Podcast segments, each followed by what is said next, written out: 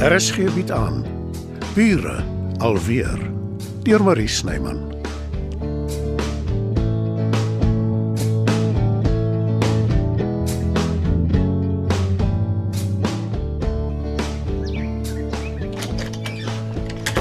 Enige verdere nuus oor Albert? Nee, niks nie. Dankie dat jy dadelik langs gekom het. Toe jy my bel en vertel wat gebeur het, ek ek kon dit nie glo nie. Hy's tog saam met 'n groep dokters wat gegaan het om mense te help. Vir my en jou beteken dit iets, maar dis waarskynlik die laaste ding waarin 'n misdadiger omsteur. Wel, hulle kry jy ongelukkig oral. Dit kon seker net sowel in Suid-Afrika gebeur het. Maar dit daar gelaat. Hoe kan ek help? Ek weet nie mooi hoe om dit te stel nie. Jy het gesê Erik hanteer die situasie. Ja, en uh, dit gaan ondankbaar klink, maar die enigste man wat ek ooit geken het wat altyd daadwerklik opgetree het, wat altyd geweet het wat om te doen in enige situasie. Was Jurg. Ja, ek verstaan. Ek het al baie gewens ek kon hom ontmoet het. Hy was 'n besonderse man. D- Dis nie dat ek Erik nie vertrou nie. Ek ken hom net nie. Wat wil jy hê moet ek doen, Matilda? Voor ek jou vra, jy is onder geen verpligting om in te stem nie. Ek weet, ek weet, maar ek sal saam met hom gaan. Werner, 'n Halwe woord, dis al wat 'n goeie begryper nodig het. Ek beskou Albert as 'n vriend. En mense sal dit nie aldag sê nie, maar ek kan nogal diplomaties wees, wat sekerlik nodig is as ons na 'n grenspos toe gaan om te onderhandel. daar is iets soos te diplomaties ook. Erik. Ja. Wel, ek ken hom ook nie regtig nie. Nes jy. Hy dalk heeltemal 'n ander kant wat ons nog nie gesien het nie. Hoe dit ook al sê, ek glo jy sal 'n positiewe invloed hê op die situasie. Kan kan jy regtig die tyd afstaan? Ja, maar ek sou in elk geval, al kon ek nie. Ons sal Albert veilig terugbring, Matilda.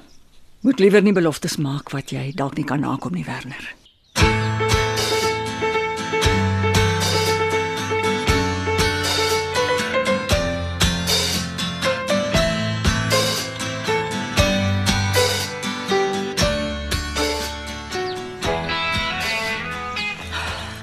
Het lanklaas in my lewe so aardig gevoel.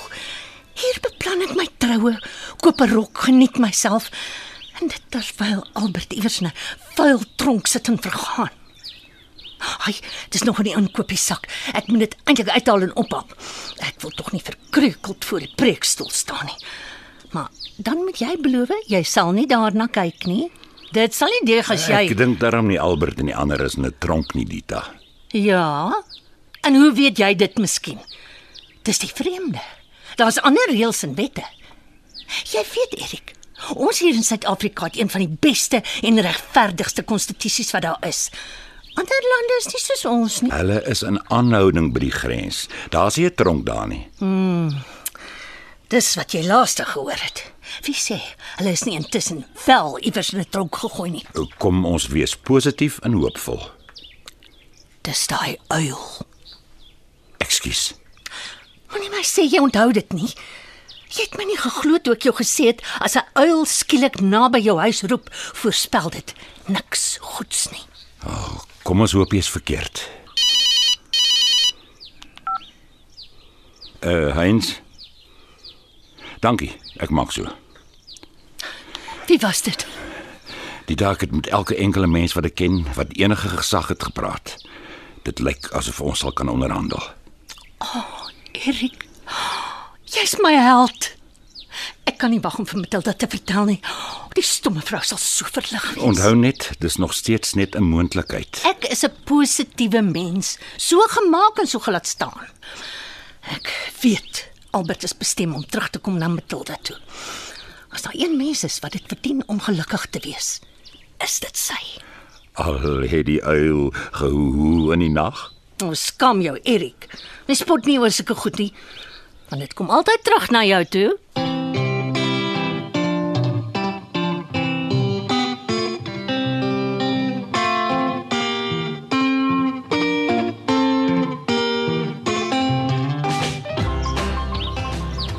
Oeg, dankie dat jy bereid is om saam te kom, Werner.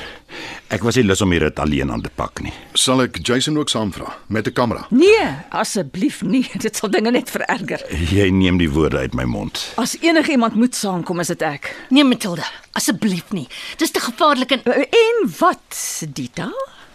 en dis beter as as mans dit hanteer. Hulle het ag jy weet, uh, Meer gesag? jy kan seker so sê, maar ag Matilda, ek ek gaan nou net stil bly. Ek sien mos hoe kyk jy vir my. Dit was baie dapper van jou om so lank aan te hou, Dita, maar ek dink jy's reg. Ek dink werklik. Ek Voordat ook- jy enigiets sê, Matilda, ek is die laaste mens wat 'n vrou ooit sal onderskat.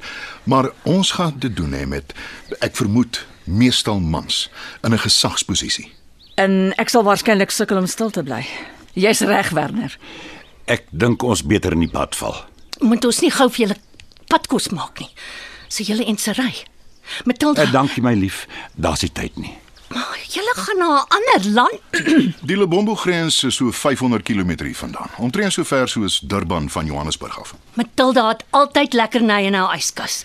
Um, nie dat sy dit self eet nie, want sy's 'n graai. Dita, eh, Dita, asseblief. Hoe gouer Erik en Werner by die grens uitkom, hoe gouer sal ons weet of hy veilig is. Ja, natuurlik. Ek het maar net gedink, Dis baie gaaf van jou Dita, maar daar's baie plekke langs die pad om iets te koop as ons honger raak. oh, dis nou wel kafee kos, maar Ek hoop julle kom reg. Seker baie moeilik om iemand oor die grens te kry sonder 'n paspoort. Al is joune aan die ander kant gesteel. Daar vergeet ek die heel belangrikste van alles. Ek het tydelike paspoorte in die hande gekry vir die hele lot van hulle. Hoe op aarde het jy dit reg gekry? Hulle is dokters en Albert het 'n pas 'n program gedoen saam met die burgemeester waarin daar opheffingswerk gedoen word. Ek ken daarom hier en daar iemand wat in 'n noodgeval kan help. Dit verander alles. As jy nie 'n verloofde man was nie, het ek jou nou gesoen, Erik. Jy kan maar uh, op die wang. Ek wag vir jou in die kar, Erik. Nou ja, ek is op pad. Ons sal dit weet sodra daar nuus is. En of jy veilig is. O, oh, sy nie 'n wonderlike man nie. Ek, ek hoop maar net hy word nie honger nie. Jy weet sy gesondheid is nie wat dit moet wees nie, Matilda. Uh, hoekom ho, ho, hoekom loop jy weg? Waarheen gaan jy? Ek is nou terug. Kalm bly, Matilda. Kalm bly.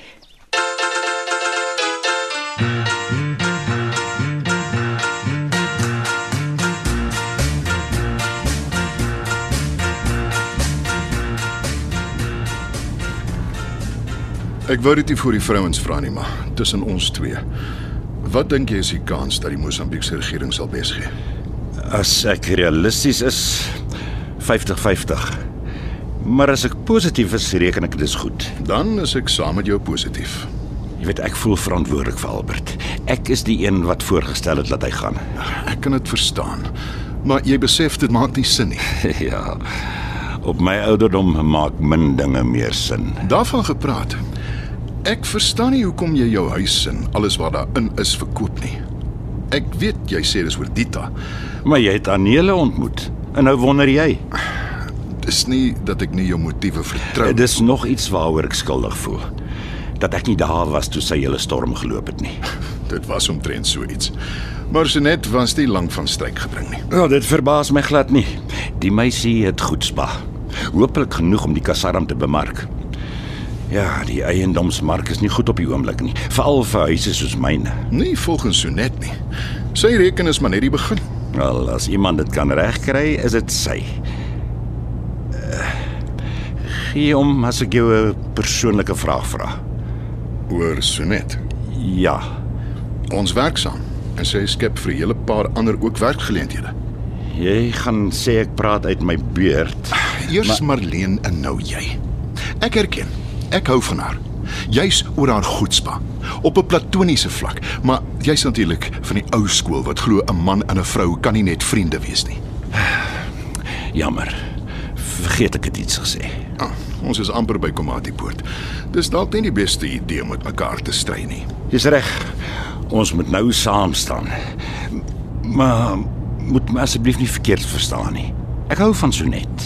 En ek was weer baie skepties oor haar, veral nadat Albert my gewaarsku het. Maar toe leer ek haar beter ken. Ja, ondervinding het my geleer niemand is net goed of net sleg nie. Daaroor kan ons van voor af begin stry. Ah, daar voor is die laaste Suid-Afrikaanse garage. Kom ons hou stil vir brandstof. Ja, ek stem. Dan kry ons sommer eet en drink goed ook. Ons kry dit dalk nodig. amper daar. Hou senuwees, hou.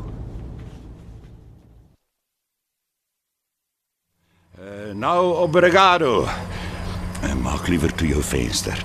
Anders bly hulle ons lastig val. Ek neem aan die klomp is nie amptenare nie. Nee, hulle probeer geld maak.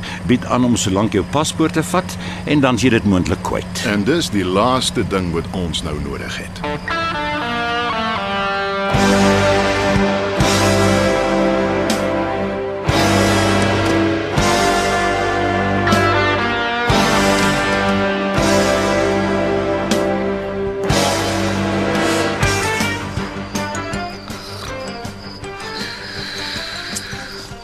Sano Garcia.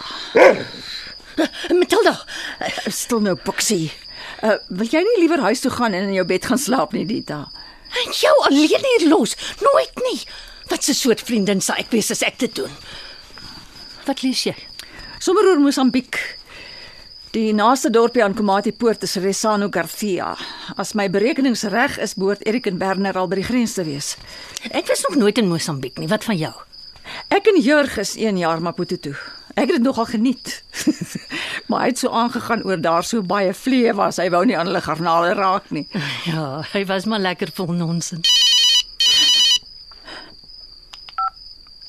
Erik, Matilda, naand. Ons is by die grens en ons gaan nou probeer hallo Erik. Erik, ek kan jou nie hoor nie. Erik.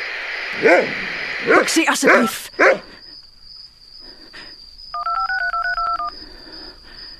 The subscriber you have dialed is not available at present. Please try. Bixie. Bixie. Shh.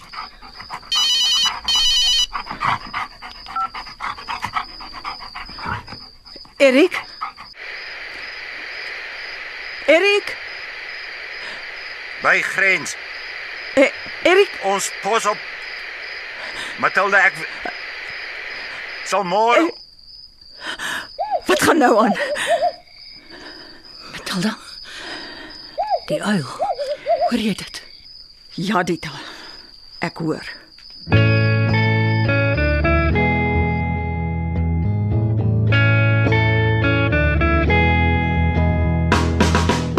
Dit was nog 'n episode van Bure alweer, geskryf deur Marie Snyman.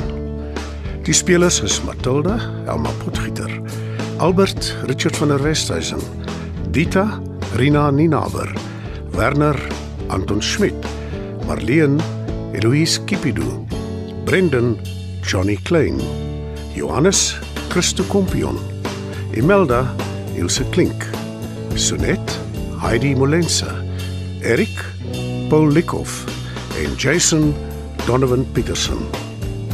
Die tegniese versorging word gedoen deur Nerea Mokoena en Evert Snyman is verantwoordelik vir die musiek en byklanke. Bure alweer word in Johannesburg opgevoer deur Marie Snyman.